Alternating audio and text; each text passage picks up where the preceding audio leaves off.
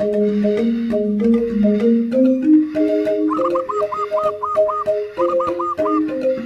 you.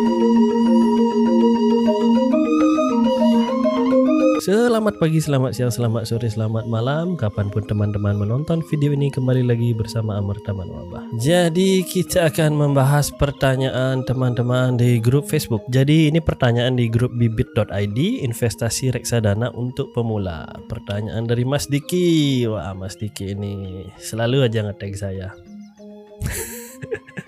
Jadi pertanyaan beliau adalah Sukor Investable Fund atau Dana Mas Stabil dan nama stabil. Sekian dan terima kasih video ini saya akhiri.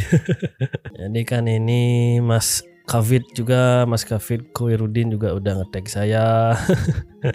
Boleh juga nih dibahas. Oke, saya love dulu. Ini video buat kalian. Bikin langsung, siap. Saya langsung bikin nih konten mungkin bisa mencoba. Ya, Mas Alvin juga nanyain ya. bantu tag. Oke oke oke, kita to the point aja. Sekarang saya akan membandingkan dana mas stabil dengan Sukor Investable Fund. Sebelum saya mulai, saya sampaikan sekali lagi saya tidak disponsori oleh pihak mana pun, tidak juga oleh pihak dana mas stabil, apalagi pihak Sukor Investable Fund. Padahal ya dari awal saya membuat video tentang dana mas stabil, saya memposting tentang cara menabung dan menarik uang dari bibit dan secara spesifik membahas mengenai dana mas stabil ya. Peningkatan AUM-nya tuh dari 8,7 triliun menjadi 9 triliun. Wah, makasih Pak Amerta. Makasih doang. Soalnya kemarin ada komentar, moga-moga abang bukan utusan sinar mas yang pom-pom orang supaya masuk dana mas. enggak, enggak, enggak, enggak saya bukan orang utusan dari dan nama stabil gitu. Saya juga youtuber, youtuber masih baru mulai, jadi cuma biar bisa latihan bicara aja sih di sini. Ya syukur-syukur ngelatih kemampuan berbicara di depan umum, sekaligus juga nambah nih kemampuan video editing saya. Gitu. Ya pada gabut. Saya bukan siapa-siapa di dunia finansial gitu. Saya hanya rakyat jelata, saya hanya butiran debu.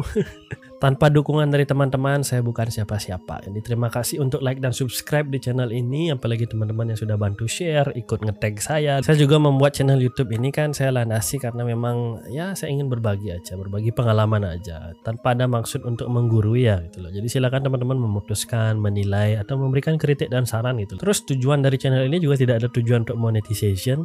Biasanya kan orang-orang bikin channel YouTube itu untuk dapat cuan ya. Tidak bisa dipungkiri kan penghasilan dari YouTube itu bisa dibilang lumayan. Tapi seluruh penghasilan dari channel YouTube ini saya bagikan kembali buat teman-teman. Saya bagikan berupa giveaway, giveaway misalnya gift card di bibit ya. Intinya berupa hadiah-hadiah yang memang bermanfaat untuk membangun mindset biar teman-teman mau mulai investasi ataupun baru mau mulai menabung. It's not about the money, it's about sending a message. Jadi kan enaknya di bibit itu kita bisa lihat perbandingannya kayak gini ya teman-teman. Jadi kan grafiknya kayak gini nih, yang biru ini yang dana mas stabil ya teman-teman, yang syukur investable fund yang hijau. Tidak volatilitas tinggi dan memang naiknya stabil gitu kalau kita lihat returnnya memang kita cuma bisa ngecek return satu tahun terakhir ya kan? Dana mas stabil ini sempat turun ya jadi 7% kalau di Sukor Invest ini kan 9,6% kalau dilihat dari returnnya kan memang pasti menang Sukor Invest ya. Dan kita juga lihat di drawdownnya kan mirip-mirip nih 0,09 dan juga kalau di Sukor Invest ini 0,06 jadi dari total growth total return setahun drawdown setahun menang Sukor Investable Fund. Dari expense ratio juga dari dana mas stabil ini cuma 1,63% sedangkan Sukor Invest itu cuma 0,58. Terus dari total AUM, aset under management seperti yang saya bilang tadi, dan nama stabil sekarang sudah mengelola 9 triliun.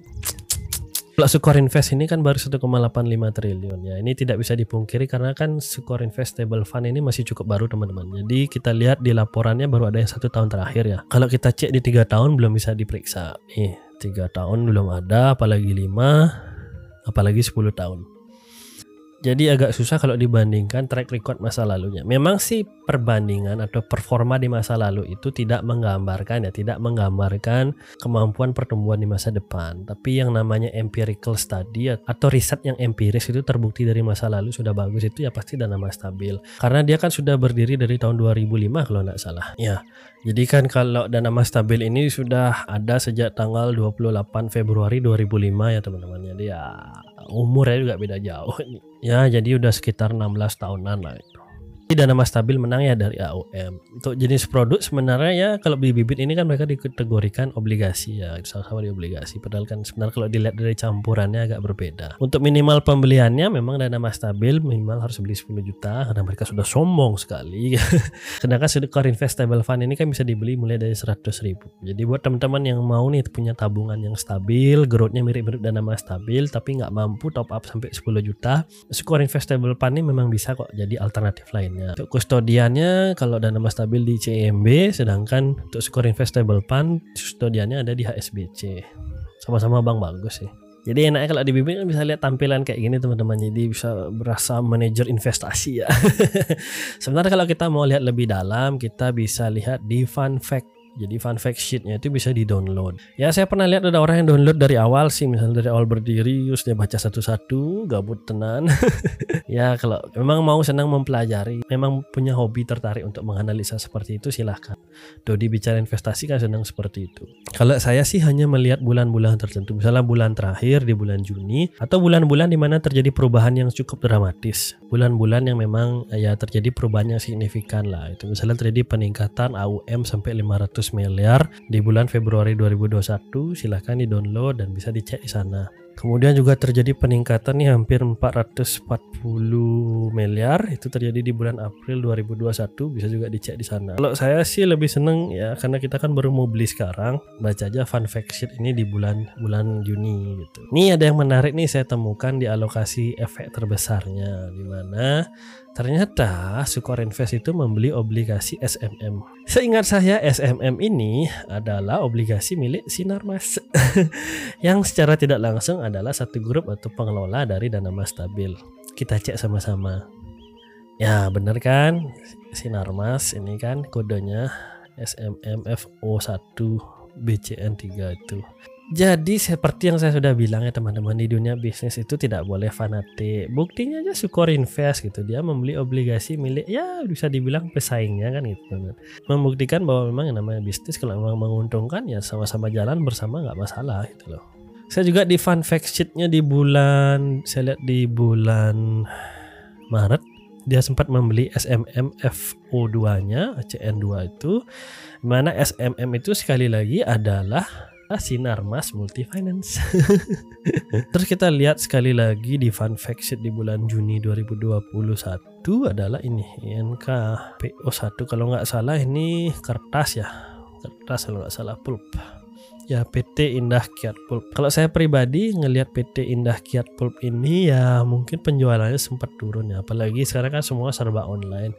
Udah nggak ada yang nyetak, udah nggak ada yang ngeprint ngeprint kayak dulu lagi gitu. Beberapa percetakan juga sudah beralih menjadi online kan seperti itu. Jadi saya kurang tahu gimana prospek dari PT Indah Kiat Pulp ini. Apalagi obligasi berkelanjutannya dia. Jadi jujur saya tidak terlalu tahu apa yang menyebabkan manajer investasi di Sukor Invest ini bisa percaya pada obligasi INK P01 ini. Ya, tapi mereka manajer investasinya bukan saya ya.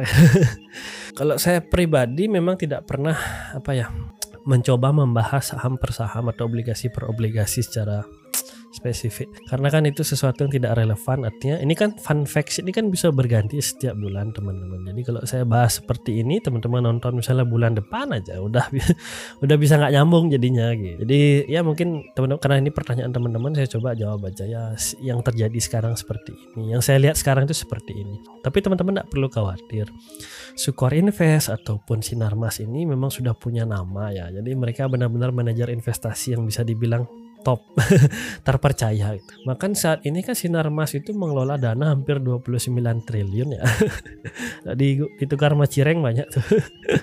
Sedangkan Sukor Invest itu dia mengelola dana hampir 18,29 triliun. Ya banyak juga. Jadi kalau pertanyaan teman-teman ke saya mana yang lebih bagus, jawaban saya ya sama seperti waktu membandingkan dana mas stabil dengan Jarvis ya itu. Yaitu terlalu dini untuk menilai. Stable fund ini baru satu tahun berjalan, sedangkan kan dana mas stabil sudah hampir 16 tahun. Secara historis kan dana mas stabil dari tahun 2005 itu ya segitu-segitu aja, jadi nggak pernah bermasalah, naiknya juga pelan stabil itu.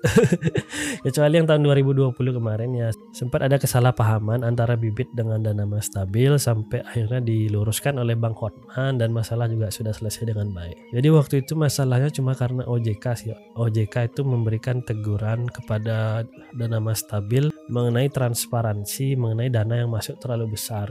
Tapi itu cuma apa ya pertanyaan waktu itu bukan berupa band bukan berupa blacklist ya. Jadi cuma ditanyain seperti itu tapi bibit menanggapinya mungkin terlalu berlebihan sampai membekukan pembelian dana mas stabil waktu itu nasabah sempat bingung mereka cuma bisa jual nggak bisa beli. Mereka bisa tetap menjual dana mas stabilnya reksadana dana mas stabilnya tapi nggak bisa beli lagi. Tapi itu menimbulkan kan ketidakpercayaan tuh tidak percayaan publik terhadap dana mas stabil. Sampai akhirnya Om Hotman turun tangan dan akhirnya semua clear akhirnya dana mas stabil tidak lagi di lock oleh bibit intinya sih sekali lagi saya sampaikan ke teman-teman diversifikasi itu bagus sekali. Kenapa reksadana merupakan diversifikasi yang terbaik? Karena kan di dalam satu reksadana itu ada berbagai macam nih top holdingnya itu. Seperti dana mas stabil top holdingnya kan ada banyak tuh itu. Ini kan ada Adikarya, Bali Tawarindo, ada Indah Kiat, ada Lontar Papirus dan lain sebagainya. Jadi kalau kita sudah beli reksadana, otomatis kan sudah diversifikasi gitu.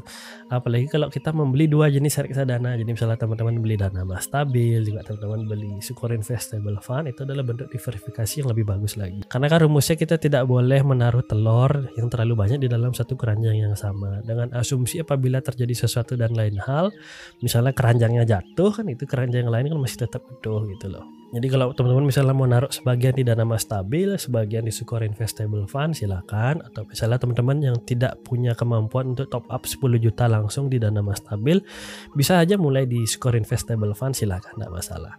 Terus teman-teman yang sudah punya tabungan di dana mas stabil, jangan tidak usah FOMO, tidak usah tiba-tiba narik semua terus mindahin ke Sukor Investable Fund, mindahin ke Jarvis itu. Sepertinya sesuatu yang tidak terlalu kurang efisien sih. Jadi kalau sudah di sana ya biarin aja di sana. Mungkin bisa ditarik sebagian, diversifikasi oke. Okay. Tapi jangan setiap ada yang sesuatu yang lebih bagus, oh baru dia naik 2% lebih tinggi langsung pindah ke sana.